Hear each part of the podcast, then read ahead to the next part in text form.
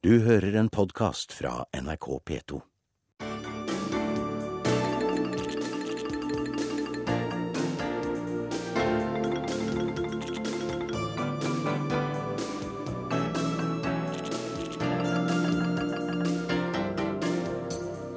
Det er lørdag, klokken har passert 11.03. Du lytter på NRK P2, og programmet er Verden på lørdag. Stikkord for denne sendingen er uro i Tyrkia og rasisme i Storbritannia. Det er strid om den kenyanske presidenten og den internasjonale rettssaken mot ham. I Berlin forbereder de seg til Obama-besøk, mens Obama selv tar imot sin kinesiske kollega i California. Norge skal hjelpe Latin-Amerika med fattigdomsbekjempelse og økonomisk utjevning, mens kvinnelige amerikanske folkevalgte krever at det blir slutt på sextrakasseringen i Forsvaret. Og til slutt korrespondentbrevet er poststemplet Pakistan. Dette er Verden på lørdag.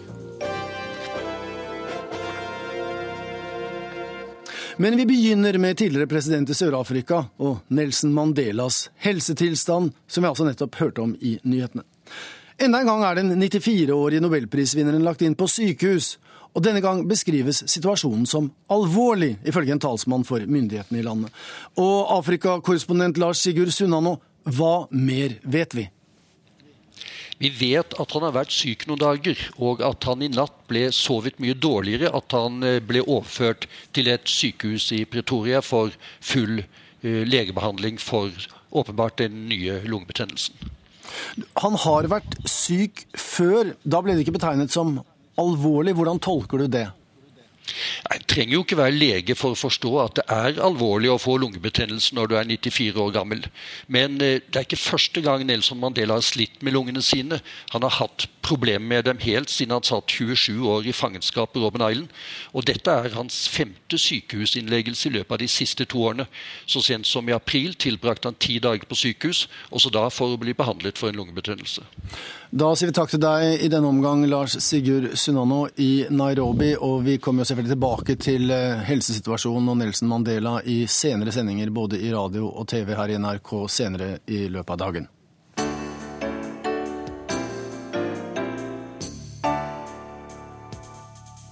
Og nå Tyrkia. For de overraskende og voldsomme urolighetene i en rekke byer i landet har dominert nyhetsbildet denne uken. Og Sissel Wold, du er nå med oss direkte fra Istanbul. Hvordan har situasjonen vært i natt? Ja, det har vært eh, veldig mange og store demonstrasjoner, men det har gått fredelig for seg. Det er ikke meldt om harde sammenstøt mellom politiet og demonstranter, slik vi har sett eh, tidligere i uken, spesielt i Ankara. Men de tusener som er ute i gatene, de har satt opp telt, de sover ute, de har ikke tenkt å gå noe sted. Eh, spørsmålet er jo selvfølgelig hvor lenge de holder ut, fordi det er jo ingen som egentlig tror at statsminister Erdogan har tenkt å gi noe, eller gi seg, i den verste krisen han møter eh, som eh, statsminister her i Tyrkia. Du, Internasjonale rapporter beskriver nå et bybilde på rundt eh, Taksim-plassen, der du også har vært, mer som en politisk festival enn det opprøret som var forrige helg tidligere i uken. Hva er ditt inntrykk? Ja, jeg var i denne Gezi-parken nå på morgentimene, og der er det jo veldig god stemning. Og folk eh, nyter å være en del av dette politiske opprøret. Denne historiske hendelsen. Veldig mange politiske grupperinger har sine stands. De er veldig godt organisert. Det er gratis matutdeling. Du kan få advokathjelp hvis du er redd for å komme i trøbbel med myndighetene. Eh, er, eh, I går så var det band som spilte, det var konserter. Og folk eh, er veldig, veldig eh, overveldet over at tyrkere, som før har nærmest hatt et hatforhold til hverandre, det er snakk om fotballhooligans eh, versus f.eks. transvertitter, nå står de sammen, alle er venner, og alle syns at dette er helt fantastisk. Men du, du nevnte at statsminister Erdogan han kommer ikke til å trekke seg. Kan det være at det hele bare ebber ut i ingenting, eller er alternativet, hvis det ebber ut, at dette er starten på en ny politisk bevegelse?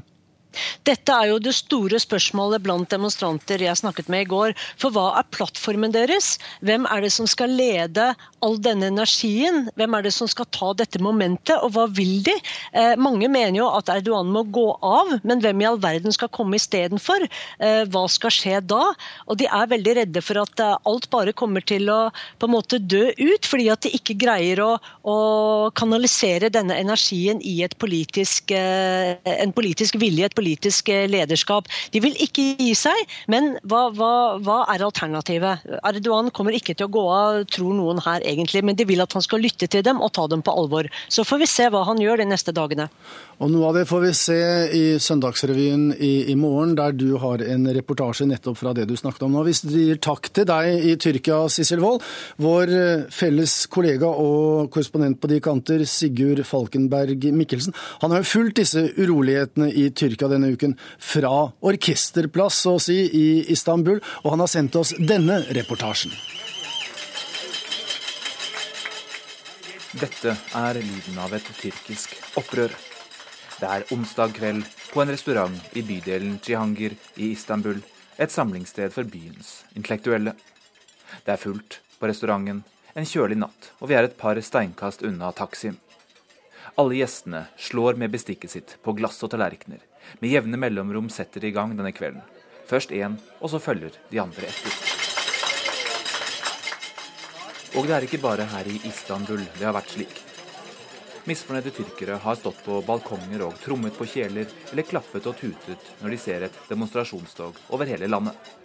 Det er som om en del av befolkningen plutselig har våknet opp og funnet igjen sitt politiske engasjement. It's unprecedented. We're in new territory. This is a kind of demonstration we've never seen in Istanbul since I've lived here 25 years. Um, there have been big demonstrations before, there have been political demonstrations, there have been rowdy demonstrations, but nothing spontaneous like this, which has brought the, basically the middle class, secular middle class of Istanbul onto the streets. I live on the main boulevard, and suddenly people are walking along the street, and then everyone's clapping. It's a sense of pride uh, in what has been done, that the government has finally noticed us after uh, several years in which it seemed that the, the government has Hugh Pope er leder for tenketanken International Crisis Groups Tyrkia-kontor. Han forklarer at det vi har vært vitne til den siste uka, er noe helt nytt, og at Tyrkia nå er på vei inn i ukjent farvann at demonstrasjonene har mobilisert den sekulære middelklassen på en måte han aldri har sett i sine 25 år som Istanbul-borger. Og han sier det er en slags stolthet blant demonstrantene over at regjeringen endelig legger merke til dem. Opptøyene startet med en park. Gezi-parken skulle ødelegges for å bygge kjøpesenter. Og enhver som har besøkt denne delen av Istanbul, vil kunne skjønne hvorfor det har opprørt så mange. Det er ikke mange grøntområder igjen. I tillegg er Taksim en plass alle i Istanbul har et forhold til. Men det er ikke det eneste byprosjektet regjeringen har tvunget gjennom i det siste. Det skal bygges en ny gigantbro rett ved den kjente Galata-broen, etter sigende tegnet av borgermesteren selv. Det skal bygges en ny flyplass og en ny, stor moské som vil bli et landemerke, uten at innbyggerne i hvert fall dem som ikke stemmer på regjeringspartiet AKP, har hatt noen innsikt i hvordan prosessen har vært, forklarer Pope. These, these, these projects Istanbul, and yet the people non-AKP voters of Istanbul, feel that they've had absolutely no say in how they're going to look. You know, this is going to be a big new mosque on a hill that is seen from most parts of Istanbul. The process by which the design of this mosque was chosen was understood by very, very, very few people. On, and on what basis did the, this design win? Spørsmålet er hva dette gjør med regjeringen, og ikke minst statsminister Tayyip Erdogans posisjon. Hans stilling som ubestridt leder har fått seg en alvorlig knekk. Bare å gå rundt i Istanbuls nedtaggede gater med skjellsord i varierende obskønitetsgrad rettet mot Erdogan personlig, må gjøre noe med folk, tenker jeg. Det ville vært utenkelig for bare en uke siden. Pope tviler på om Erdogan vil gå av, slik demonstrantene krever. Men jeg spør ham om hva det vil gjøre med framtidsplanen hans. Erdogan har ikke lagt skjul på at han ønsker å gjøre som Vladimir Putin i Russland. nemlig å gå fra statsministerposten til presidentpalasset i neste valgrunde. Da vil han i så fall også forandre Tyrkia fra et parlamentarisk system til et presidentstyrt system. Uh, will this harm his design of taking over the presidency, uh, changing the constitution, etc.? Uh, Prime Minister Erdogan has uh, certainly been shown that he if he wishes to be president um, and win more than 50% of the vote, Remember, he gets a lot of the Liberal vote in the past anyway, mainly because there's no other real opposition party. But if he wants to extend his vote to win the first round of the presidency Pope mener at disse protestene i alle fall har vist at hvis Erdogan ønsker å velges av et bredere lag av folket, må han endre stil. His, uh, his fiery nature, which, as I said, is not necessarily unpopular in his constituency. But if he wants to extend and be the president of all Turkey, then I think he's going to have to adjust his playbook.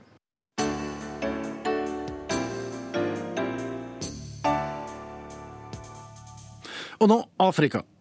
For det blir stadig mer usikkert hvordan rettssakene mot Kenyas nyvalgte president Uhuru Kenyatta og hans visepresident William Ruto skal gjennomføres i Den internasjonale straffedomstolen i Haag, der de to er tiltalt for forbrytelser mot menneskeheten. Flytting av deler av rettsprosessen til enten Kenya eller Tanzania kan bli aktuelt, rapporterer Afrikakorrespondent Lars Sigurd Sunnanå fra Nairobi.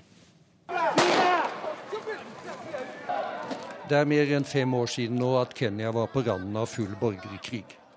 Volden som kom etter at Mawai Kibaki temmelig tvilsomt ble gjenvalgt som president vinteren 2007-2008, krevde 1100 liv, 3000 mennesker ble såret og opp mot en halv million drevet fra hjemmene sine, før det lyktes internasjonalt diplomati med FNs tidligere generalsekretær Kofi Annan i spissen å få stanset blodbadet.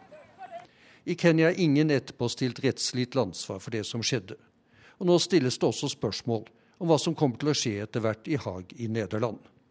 Der har Den internasjonale straffedomstolen ICC tiltalt både Kenyas nyvalgte president Uhuru Kenyatta og hans visepresident William Ruto for å ha stått bak forbrytelser mot menneskeheten.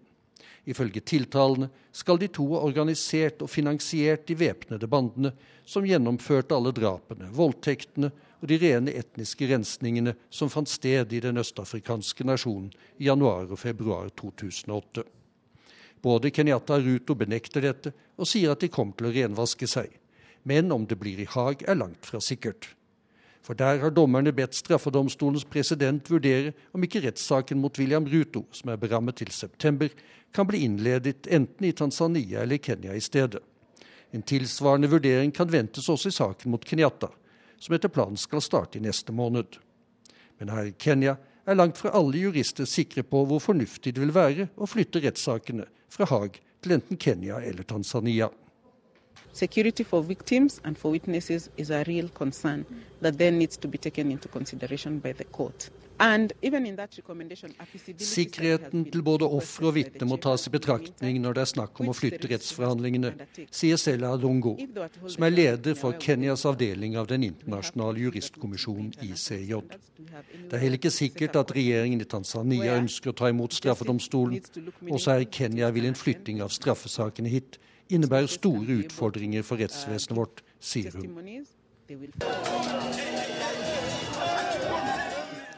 Det ble en knusende seier for Uhuru Kenyatta i presidentvalget her i Kenya i mars.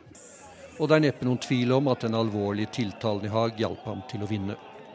Mange velgere så med skepsis på Den internasjonale straffedomstolen, og ga uttrykk for det ved å stemme på Kenyatta. Siden har han og Ruto søkt støtte i en rekke afrikanske land for å få flyttet rettssakene til Kenya, eller aller helst å få dem droppet i sin helhet. I slutten av mai da Den afrikanske union feiret sin 50-årsdag i Etiopias hovedstad Addis Abeba, fikk de organisasjonens fulle støtte. Etiopias statsminister Mariam Desan la da ikke skjul på at domstolen i Haag, som skulle hjelpe nasjoner til å bli kvitt straffløshet, i stedet har utviklet seg i rasistisk retning. The intention uh, was to avoid any kind and so ill governance uh, and crime. Uh, but Uh, now the process has degenerated into some kind of race hunting rather than uh, an objective of uh, taking care of uh, those crimes and as well as uh, impunities. Ja, og denne Rapporten fra Kenya var det altså Lars Sigurd Sunano som sto bak. Nå Storbritannia. Innvandring står nemlig svært sentralt i den politiske debatten i øyriket. Til tross for en kraftig reduksjon i antallet innvandrere i fjor, så flykter nå velgerne fra de etablerte og tradisjonelle partiene til det britiske uavhengighetspartiet UKIP, på grunn av nettopp innvandringsskepsis. I'm looking at UKIP at the moment, really. Oh, really? Yeah. I mean, the, the, both parties now, Labour and Conservative, are talking about immigration. Immigration is, is, is really hitting this country badly now. It's not a racist view, it's just the system's not working for the amount of people that are coming in. Schools, health, everything else really. It's just so many cutbacks, but there's more people coming in using the system, so Andrew McClure vil ikke virke rasistisk, men nå mener han grensa er nådd. Transportarbeideren mener det rett og slett er for mange mennesker i Storbritannia. Det er ikke plass til flere. Det merket han selv da han trengte en kneoperasjon på sykehus.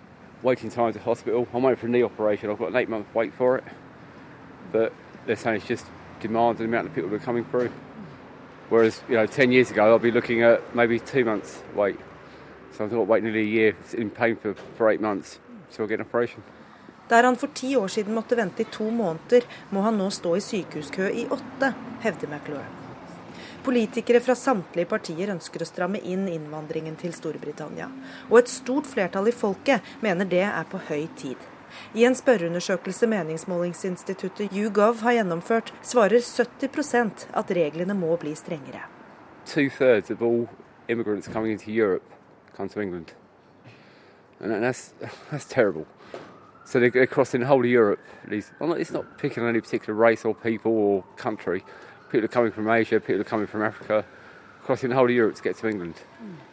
So we must be, we're doing something right in a way of helping these people, but people are abusing the system. 60% tror at innvandringen til Storbritannia har økt det siste året, men faktum er et annet. I fjor ble nettoinnvandringen redusert med nesten 90 000 sammenlignet med året før. Men det ser det ut til at folk ikke har fått med seg, eller ikke tror på. Heller ikke Andrew McClure. But the, the Conservative Party is now doing something with uh, immigration, or they're trying to. You don't trust that? No, all the, all the measures they're trying to bring in are, are already in place already. It, it, the fact that it doesn't add up to what they're trying to do. They'll, they'll, be, they'll be shut down by European law. None, none of it will happen. So what can Nigel Farage and the UKIP party do? Um, they're more looking after the country as a whole rather than being a benefit state for, for the whole of Europe. Storbritannia er blitt en trygdenasjon for hele Europa, mener McClure, og mange synes enige med han. Ved det britiske lokalvalget i begynnelsen av mai gjorde uavhengighetspartiet UKIP et brakvalg nettopp på slik argumentasjon og et ønske om å forlate EU. Et parti som nå dominerer den politiske debatten uten å ha ett eneste medlem i Underhuset i parlamentet. Mange briter mener de betaler for borgere fra andre EU-land. I mean, I work 60 hours a week, I pay a hell of a lot of taxes. But the tax I'm going to repairing what what I need, really. You know, look, the street, look the streets. Streets are dirty. Gatene er skitne. Hvor blir skattepengene mine av? undrer Andrew McClure. Men ulike studier viser at det ikke er innvandrerne alene som stikker av med dem.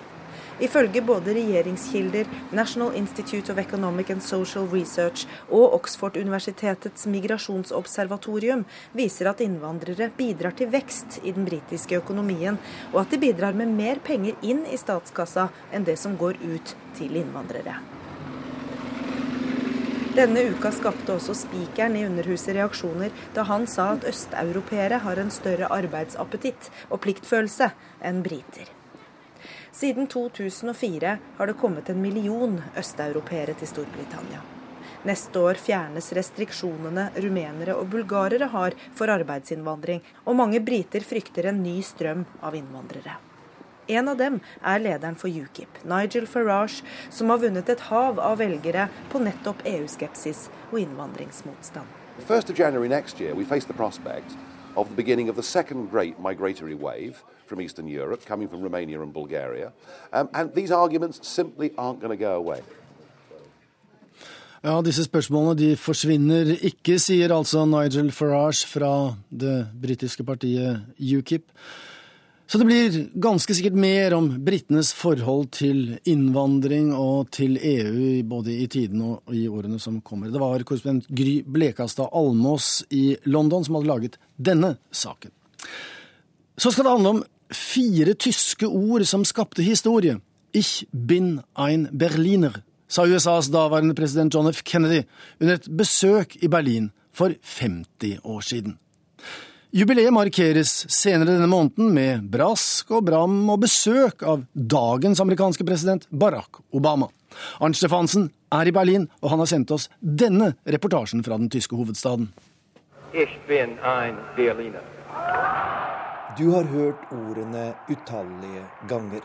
Jeg er en berliner, sa John F. Kennedy i en tale foran rådhuset i Vest-Berlin. Men hva mente han egentlig? For USAs tidligere president var da verken født eller bosatt i Berlin.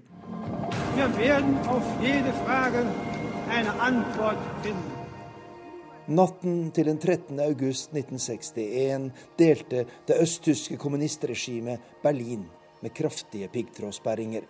Klokka seks om morgenen var Vest-Berlin sperret helt av fra den østlige delen av byen og fra resten av DDR. De neste dagene og ukene ble piggtråden erstattet med murstein. Muren var kommet for å bli. Vesten holdt pusten etter delingen av Berlin, men signalet fra USA og andre vestlige land var klart. Vi vil ikke risikere en atomkrig pga. delingen av Berlin. Men vestlige ledere understreket at de ville forsvare Vest-Berlin en øy av frihet i et hav av kommunisme med alle midler. Dette var situasjonen da USAs president John F. Kennedy holdt sin berømte tale i Vest-Berlin i juni 1963. I know of no town, no city, jeg kjenner ingen by som har vært beleiret i 18 år, og som har beholdt håpet, besluttsomheten og livskraften på en slik måte som Vest-Berlin, sier den amerikanske presidenten til voldsom jubel fra en stor menneskemengde.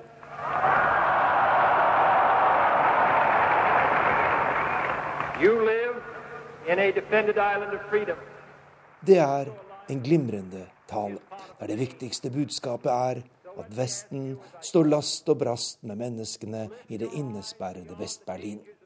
Og John F. Kennedy avslutter med ordene som skal skape historie. All three men, wherever they may live, are citizens of Berlin. Alle frie mennesker, uansett hvor de lever, er borgere av Berlin. Og derfor som et fritt menneske er jeg stolt av å kunne si ordene 'Jeg er en berliner', sa Kennedy. De fire tyske ordene hadde han øvd seg på inne på kontoret til byens daværende borgermester Willy Brandt. Mr. Gorbachev, tear down this wall. Herr Gorbatsjov, riv ned muren, sier president Ronald Reagan i en tale foran Brandenburger Tor i 1987, bare to og et halvt år før Berlinmuren falt. Magien fra John F. Kendys tale i 1963 synes tidløs, og i 2008 kom en amerikansk presidentkandidat til Berlin og snakket om veien til frihet for USAs fargede befolkning. This city, of all cities, knows dream of freedom. Barack Obamas tale fant sted bare noen måneder før han ble valgt til president, og senere denne måneden kommer han tilbake til Berlin. Det skjer bare noen dager før byen markerer 50-årsjubileet for Kennedys berømte tale. John F. Kennedys besøk i Vest-Berlin i 1963 ble hans siste. Drøyt fem måneder senere falt han for en morders kuler. President Kennedy died at 1 p.m. Sjokket over John F. Kennedys død var voldsomt blant berlinerne. Berlin har mistet sin beste venn, sa Willy Brandt da plassen foran Schøneberger Rathaus fikk sitt nye navn, John F. Kennedy-plassen. På en minnetavle ved rådhuset står det følgende tekst. USAs 35. president John F. Kennedy talte her ved middagstider den 26. juni 1963 til Berlins innbyggere. I Berlins historie er ingen gjest blitt tatt imot med en mer ekte begeistring, skriver Willy Brandt i sine memoarer. Nå forbereder berlinerne seg på 50-årsjubileet for John F. Kennedys besøk i 1963, og på å minnes setningen som ble den mest berømte i byens historie. Ich bin ein Berliner.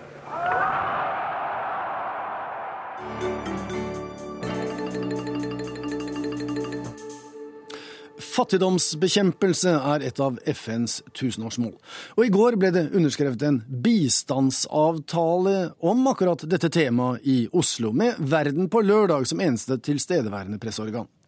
Utviklingsminister Heikki Holmås undertegnet avtalen på vegne av den norske regjering, og Alicia Barcena, som leder FNs økonomiske kommisjon for Latin-Amerika og Karibia, skrev under på vegne av CEPAL, som denne FN-organisasjonen kalles. We just signed. Okay? Okay, very good. Excellent. This is fantastic, Minister.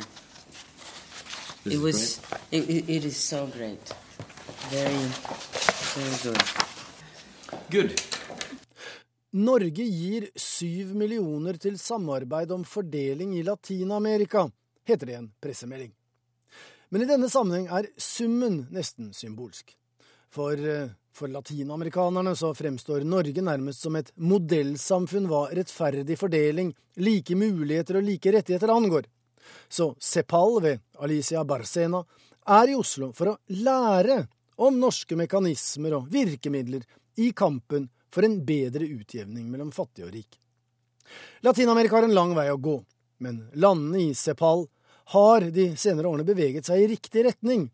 Og det er nå politisk vilje i en rekke land til å gjøre noe med ulikhetene.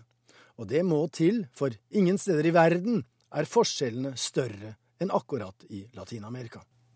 Latin America and the Caribbean is the most unequal region in the world. It's not the poorest, but the most unequal. Latin-Amerika er fullt av dyktige folk som kan mye, men av og til så hjelper det å hente erfaringer utenfra, se hvordan samme type utfordringer er blitt løst av andre, Derfor er Norge interessant. En sterk offentlig sektor, gode velferdsordninger og aktivt likestillingsarbeid. Latin-Amerika vil se på hvordan Norge har sørget for at inntektene fra naturressurser og mineralrikdommer kommer hele samfunnet og hele befolkningen til gode, og hvordan partene i arbeidslivet har felles interesse av at lønnsmottakerne ikke holdes nede i bunnløs fattigdom. The key for inequality is jobs, but jobs with rights and jobs with a proper salary, and and to build a society that is based on knowledge and not only on raw materials uh, rents. So we have to move out of there. Latin America is ready for that, and so we want to learn about that experience too. Men er Latin-Amerikas rike elite, altså de få familiene som eier det meste i mange av landene, er de klare til å gi fra seg privilegier og posisjoner i utjevningens tjeneste, spør vi. For da kan det jo ikke være nok bare med politisk vilje og vissheten om at det lar seg gjøre. De rike må vel oppleve at de selv har en fordel av utjevning? Debatten går, sier Alicia Barcena, men mange forstår at man er avhengig av hverandre, og hun viser til en samtale hun hadde med verdens rikeste mann, den meksikanske telemogulen Carlos Slim og hans sønn. They understand very well that if they want to do business, for example, on telecommunications, but if people don't have access to, to telecommunications, what's the business there? So I think that they are more and more aware that they should participate, but not only by creating a separate funding for charity, but also with their own responsibility paying taxes, participating, and empowering the state. Og da er hun fremme ved et kjernepunkt statens rolle. Og i Latin-Amerika så må den bli større, sier Alicia Barcena, som er leder for FNs økonomiske kommisjon for Latin-Amerika. I våre samfunn har markedskreftene fått råd, sier hun. Men markedet er til for å tjene penger. I og for seg ikke noe galt i det, men markedet tar ikke ansvar for omfordeling og utjevning. Det er statens oppgave. You need an equilibrium. It doesn't mean also that everything has to be public or everything has to be private, but there has to be an equilibrium between public, private, and the society. So that's what I believe you have done here in Norway, and we want to, uh, frankly, to learn about all these experiences, bring them to our region, and have a debate on these things. For utviklingsminister Heikki Eidsvoll Holmås er dette som tatt ut av stortingsmeldingen Dele for å skape om akkurat dette temaet, og den skal diskuteres i Stortinget til uken. Og det er klart at Vi støtter opp om, eh, om CEPAL fordi at vi ser at det å få til kunnskapsdeling mellom de forskjellige landene, sånn at de klarer to ting At de både klarer å sørge for at fellesskapet får nyte godt av de naturressursene som finnes der. Det er mange land i Latin-Amerika som har latterlig lave skatter på olje, på gass, på de tingene som vi i Norge har høye skatter på. Men også det at de, de, ser betydningen av små forskjeller for å klare å skape fremtidig vekst. Altså, Tre ting som er bra med Norge. Vi har et velferdssystem som eh, bidrar til at alle får tilgang til gratis utdanning, gratis helsevesen. Kjempeviktig. Mange land i Latin-Amerika har ikke det. Og da blir det de som har minst penger, som ikke får den gode utdanningen og tilgang til, til god helse. Det andre er at vi har et eh, skattesystem som fordeler. Det er de som tjener mest penger, og som bidrar mest til fellesskapet. Mange land i Latin-Amerika har det motsatte. Det er de som har de høyeste inntektene, de som bidrar minst til fellesskapet. Og det tredje er små lønnsforskjeller.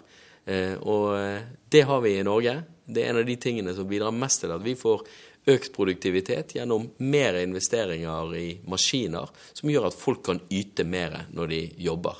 Mens i Latin-Amerika, i mange land der, så ser du at folk tjener fryktelig lite. Og da blir det lettere å ansette flere folk for en lav lønn. Eh, og det bidrar både til store forskjeller og mindre investeringer i, i næringslivet. Slik at her er det ikke nødvendigvis de syv millioner kronene eh, Norge bidrar med i denne omgang, som jo er en relativt liten sum i, i, i, din sammenheng. Her er det altså Norge som eksempelets makt, hva vi har å vise til, faktisk. Det er derfor, eh, det er derfor eh, Alicia Abbasena er over her nå, for å hente inspirasjon både fra norske økonomiske fagmiljøer og, og andre. Men samarbeidet vårt kommer til å gå ut på å gjøre det eh, mulig for de å hente inn informasjon. Se nøyere på hvordan kan de latinamerikanske landene lære av hverandre og av Norge. Uh, og klare å utvikle en strategi for mindre forskjeller. For det, at som, det vi alle vet, er at Klarer du å skape samfunn med små forskjeller, så er det bra for folk. Samfunn med små forskjeller er de der folk har mest tillit til hverandre. Det er bra samfunn. Men samtidig er det bra for økonomisk vekst og utvikling. Og Det ser vi bl.a. på Norge, som er det landet i Europa som klarer seg best gjennom den finanskrisen vi er i nå. Og utviklingsministeren klarte ikke å dy seg. Latinamerikanernes begeistring for det man, også i denne sammenheng, kan kalle en norsk modell, blir tolket rett inn i den norske valgkampen. Og slik utviklingsminister Heikki Holmås fra SV ser det, så foretrekker Latin-Amerika det rød-grønne alternativet. Nå er det snart valg i Norge, og det interessante er at alle de tingene som Latin-Amerika ønsker å lære av Norge, både skattesystemer som fordeler godt, små lønnsforskjeller og det å ha universelle velferdsgoder, er ting som høyresiden har sagt at de vil angripe hvis de vinner makten. De vil f.eks. fjerne all støtte til Latin-Amerika i bistanden, som jo er med på å finansiere dette prosjektet her. Eh, de vil ha, eh, gi mest skattelette til de rike, noe Latin-Amerika kommer til oss for å se hvordan kan de få til mindre forskjeller. Og de er ikke spesielt opptatt av et arbeidsliv der lønnsforskjellene blir værende små. Så jeg syns det er interessant at før valget så kommer Latin-Amerika til å lære av oss, mens Høyre vil egentlig gjøre det motsatte av det Latin-Amerika ønsker å lære av oss.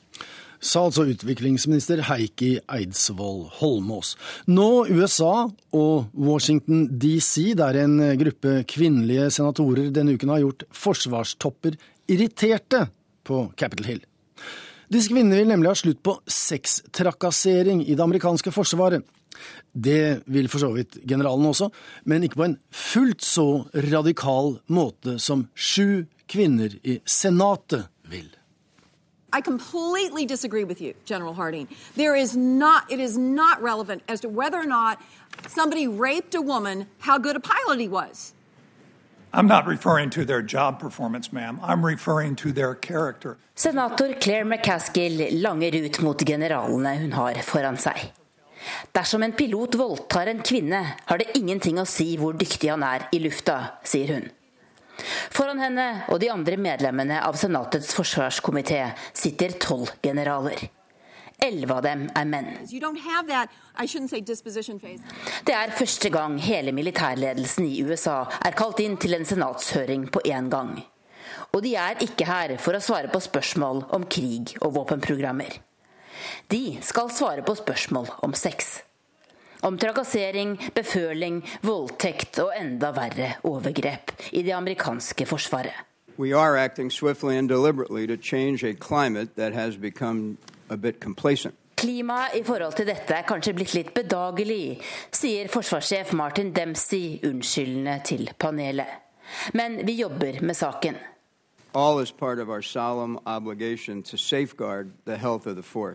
Ifølge Pentagon var det 26 000 tilfeller av seksuell trakassering i det amerikanske forsvaret bare i fjor. Men bare drøyt 3000 tilfeller ble rapportert. You have lost the trust of the men and women who rely on you. They're afraid to report. Det er fordi ofre eller vitner føler det vil ødelegge karrierene deres å rapportere, sier Kirsten Gillibrand, en annen demokratisk senator, som har kommet med et radikalt forslag for å endre kulturen i det amerikanske forsvaret. You have det er flere kvinner i Senatet enn noensinne. 20 av de 100 senatorene er kvinner. Og sju av dem, fem demokrater og to republikanere, har gått sammen om å lage lovforslaget de mener vil begrense seksuelle overgrep i Forsvaret. Det er historisk at så mange kvinner er involvert.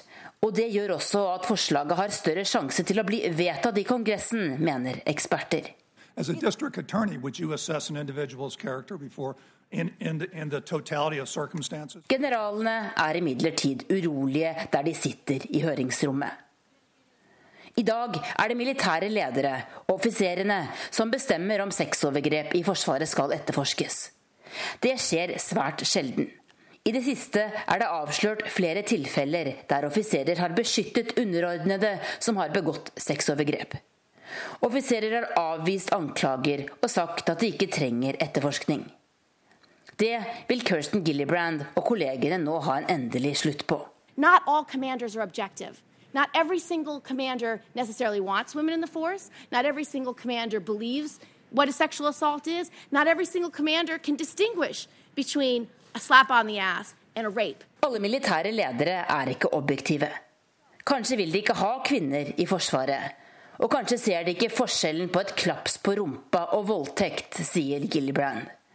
Derfor vil hun at påtalemyndigheten skal bestemme om sexovergrepssaker i Forsvaret skal etterforskes. Det er påtalemyndigheten som bør bestemme om en offiser skal stilles for retten for det han kanskje har gjort. Slik er det i Storbritannia, Israel og mange andre land USA kan sammenligne seg med. Men forsvarssjefen steiler av forslaget. Our goal should be to hold commanders more accountable not render them less able to help us correct the crisis. The commander's responsibility to preserve order and discipline is essential to effecting change. Det er offiserene som må avgjøre dette. Det er de som har ansvaret for disiplinen. Vi må bare hjelpe dem på vei, sier han. Det er imidlertid svært trolig at han og de andre blå- og grønnkledde generalene i senathøringsrommet denne uka ikke vil få det som de vil. We need to know how many women and men are being raped and sexually assaulted on an annual basis, and we have no idea right now. Vi må vite hvor mange kvinner og menn som blir voldtatt i militæret hvert år. Og det aner vi ikke nå, sier Claire McCaskill fra Missouri, som ikke har tenkt å gi seg før den militære sexopprydningsaksjonen hun og senatskollegene har satt i gang, er over. Og det sa kollega Tove Bjørgaas, som hadde laget denne saken. Og vi skal fortsatt holde oss i eh, USA, men vi skal forflytte oss til California, der president Barack Obama for kort tid siden tok imot sin kinesiske kollega Xi Jinping. Det er første gang de to møtes som presidenter, og president Barack Obama ga uttrykk for relativt ambisiøse, men nokså luftige forhåpninger til toppmøtet ved Xi Jinpings ankomst. It is in the United that uh, China uh, continues on the path of success uh, because we believe that a peaceful and stable and prosperous China uh, is not only good for Chinese, but also good for the world and for the United States. California, der de to møtes, er gammelt meksikansk land, og Kinas president besøkte nettopp Mexico før han landet i USA. Der hyllet han både Mexico og Latin-Amerika i en nokså utilslørt sjarmoffensiv i det som regnes som USAs bakgård og interessesfære. 刚才，两国政府有关部门和科研机构就开展能源、矿业、基础设施建设、新兴产业等领域的务实合作。 Mange mener dette er å utfordre USA på hjemmebane. Og USA-korrespondent Jon Gelius, hvordan reagerer amerikanerne på de stadig forskjellige og nye fremstøtene fra kineserne på, på nye områder? Det er liten tvil om at USA følger dette med argusøyne. Altså Spenningsnivået i Øst-Asia blir jo beskrevet av eksperter som på sitt høyeste siden den kalde krigen. Og flere peker jo på at rivalis rivaliseringen mellom Kina og USA er jo mer tilspisset enn noen gang.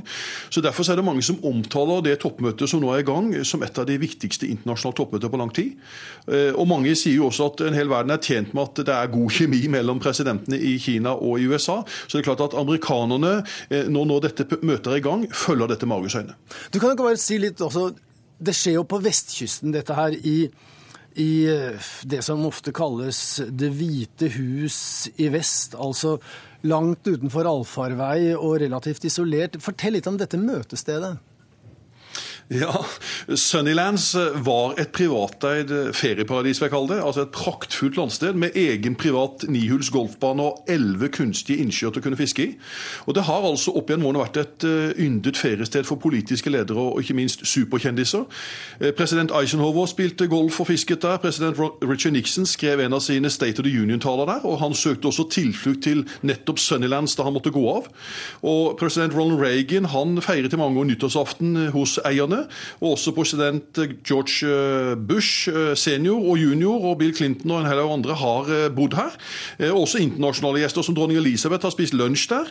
Og Frank Sinatra gifta seg der, så det er mange superkjendiser som av de gamle garden, Bob Hope, Fred Astaire, Bing Crosby og Sammy Davis jr., som har brukt dette Sunnydance. Det ligger praktfullt til, og det ligger ikke minst avskjermet til. Og det skulle legge til rette for en god ramme for dette toppmøtet.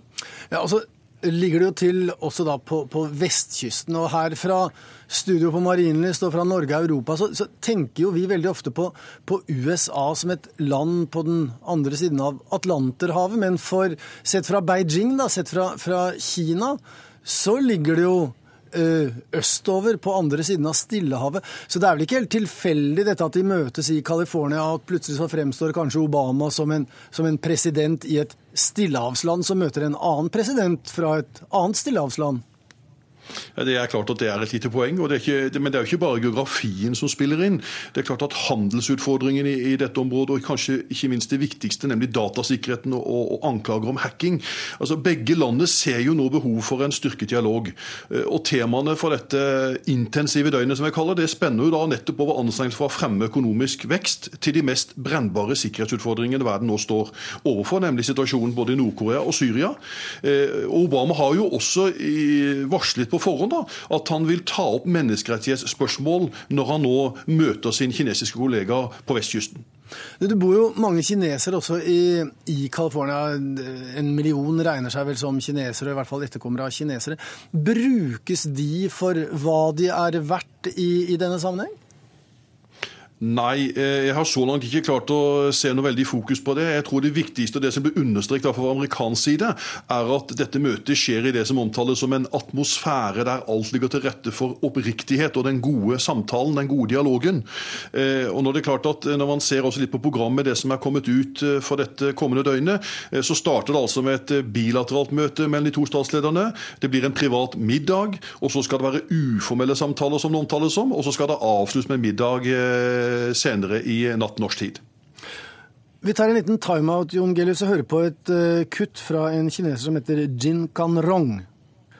两国领导人有个人信任呢，肯定让那个沟通啊更顺畅一些，这是这是肯定的。另外呢，还有一个好处就是说，他在决策的时候就知道对方的那个政策底线，他就不碰。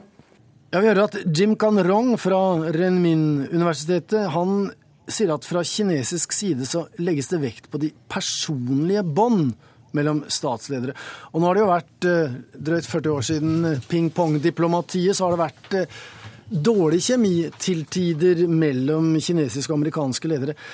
Er kanskje det noe av det aller viktigste ved dette besøket, at de to ledende presidentene i verden, må vi jo nesten si, nå faktisk bare kommer sammen for å bli kjent med hverandre og føle hverandre litt på klingen? Absolutt. Og det er eh, veldig viktig fra begge sider å få understreket at dette er et hyggelig møte det nå legges opp til.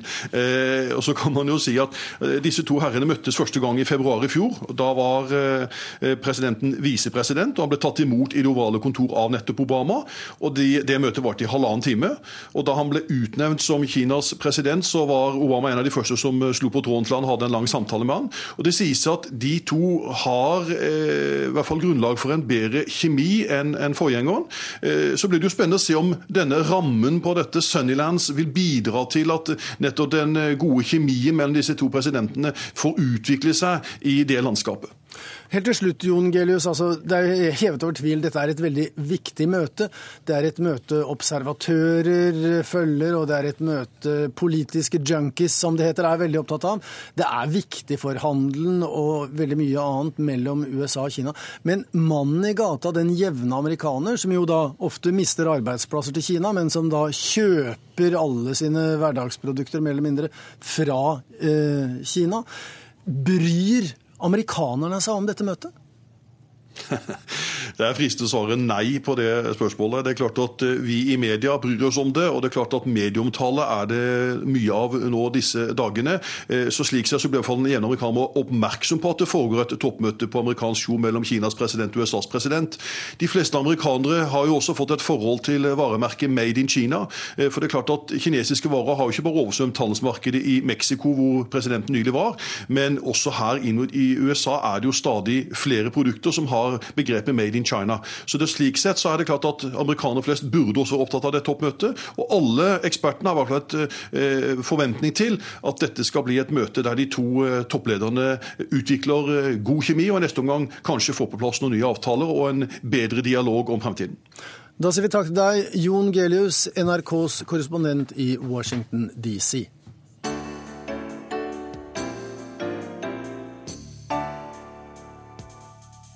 Ja, Da har vi kommet frem til eh, Verden på lørdag-sendingenes eh, tradisjonelle og rituelle finale, nemlig korrespondentbrevet. Det er denne gang fra Anders Magnus, og det er poststemplet i Pakistan. Bare få timer etter at vi forlot området, eksploderte det igjen. En selvmordsbomber hadde flyktet fra politiet inn i et bolhus i det smale smuget. Da terroristen oppdaget at han var omringet og ikke kunne slippe unna, detonerte han like godt sprengladningen rundt magen der og da. Huset ble smadret og taket blåst av. Tilbake lå tre maltrakterte lik. Bombemannen pluss den unge mammaen som var hjemme i huset. Og hennes vesle baby. En fryktelig handling, men dessverre altfor vanlig. I ukene foran valget i Pakistan i forrige måned ble folk drept hver eneste dag. De fleste i angrep fra selvmordsbombere, men mange også skutt ned på åpen gate midt på lyse dagen. Et enormt oppbud av politi, militære og andre sikkerhetsstyrker virket fullstendig ute av stand til å avverge terroren. Huset som ble sprengt i filler, og hvor bomben også drepte moren og barnet som ikke hadde noe som helst med konflikten å gjøre, lå i gamlebyen i Peshawar.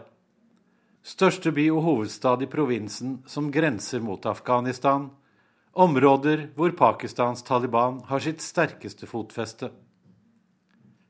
Jeg var i Peshawar under valgkampen for noen uker siden for å snakke med pakistanere som hadde mistet sine nærmeste i terrorangrep på politiske møter. Etter en særdeles kronglete og nervepirrende kjøretur i Peshawars trange smug, hvor det knapt nok er plass til en bil mellom alle salgsboder, sykkeldrosjer og strømmer av fotgjengere, nådde vi fram til en bygning hvor vi ble geleidet inn gjennom en svart jerndør på gateplan. Raskt ut av bilen og inn, så ikke forbipasserende eller folk i nabolaget skulle oppdage at utlendinger med kamera kom på besøk. Det kunne vært farlig. Innenfor møtte vi et titalls mannfolk som alle ble skadet da en selvmordsbomber sprengte seg i lufta under et valgmøte holdt på et gatehjørne noen få kvartaler lenger ned i gata. Flere titalls mennesker ble drept. Folk som hadde kommet for å høre politikeren som holdt møtet, men også forbipasserende omkom. Kvinner, menn og barn som ikke hadde noe å gjøre med verken møte eller politisk virksomhet. De fleste av mennene på det hemmelige møtestedet var likevel politiske aktivister fra det nasjonale Awami-partiet. Flere av dem gråt og fortalte om en bror eller fetter eller en nær venn som ble drept i bombeangrepet. Andre viste fram arr etter bombesplinter. Jeg spurte hvorfor dette angrepet skjedde, men ingen kunne gi meg klare svar. De sa det var uforståelig og uberettiget, og turte ikke si mer. Det gjorde imidlertid organisasjonen som tok på seg skylden for bomben, Pakistans Taliban. Deres talsmenn forklarte gjentatte ganger under valgkampen at Pakistans Taliban med alle midler ville hindre gjennomføringen av det demokratiske valget. Demokrati er i strid med deres forståelse av islam, proklamerte de. Da altså bedre og mer korrekt rent religiøst å ta livet av folk, politikere, partitilhengere og tilfeldig forbipasserende. Eller upolitiske hjemmeværende, som moren og den vesle babyen i Peshawar. Awami-partiet regnes som et av de ikke-religiøse, mer liberale partiene i Pakistan. Det betyr ikke at de tar avstand fra islam, tvert imot, men de legger ikke alltid religionen til grunn for sine politiske standpunkter. Verre enn at de er relativt moderne og liberale, var nok at Awami-partiet også deltok i den utgående regjeringen sammen med Pakistans Folkeparti, partiet til avdøde tidligere statsminister Benazir Bhutto. En regjering som sendte sine militære styrker for å angripe Talibans kjerneområder langs grensen mot Afghanistan. Nå mente Pakistans Taliban at det var tid for å hevne seg ved å angripe regjeringspartienes valgmøter med selvmordsbombere. Hver eneste dag under valgkampen ble folk drept, lemlestet eller kidnappet. Regjeringspartiene innstilte etter hvert alle offentlige valgmøter og arrangementer og reduserte valgkampanjen til for det meste å annonsere på fjernsyn. Det ga ikke særlig gjennomslag i et samfunn hvor strømmen er koblet ut 22 timer i døgnet i størsteparten av landet. Dermed ble valgkampen verken fri og rettferdig, siden de to viktigste opposisjonspartiene fikk gå helt fri for pakistanske Talibans terrorkampanje, og dermed kunne holde store massemøter utendørs. Disse partiene vant da også på valgdagen. På den annen side kan det jo sies at regjeringspartiene hadde seg selv å takke. De kunne jo ha gjort forsøk på å bedre elektrisitetsforsyningen i landet de fem årene de satt ved makten. Det gjorde de ikke.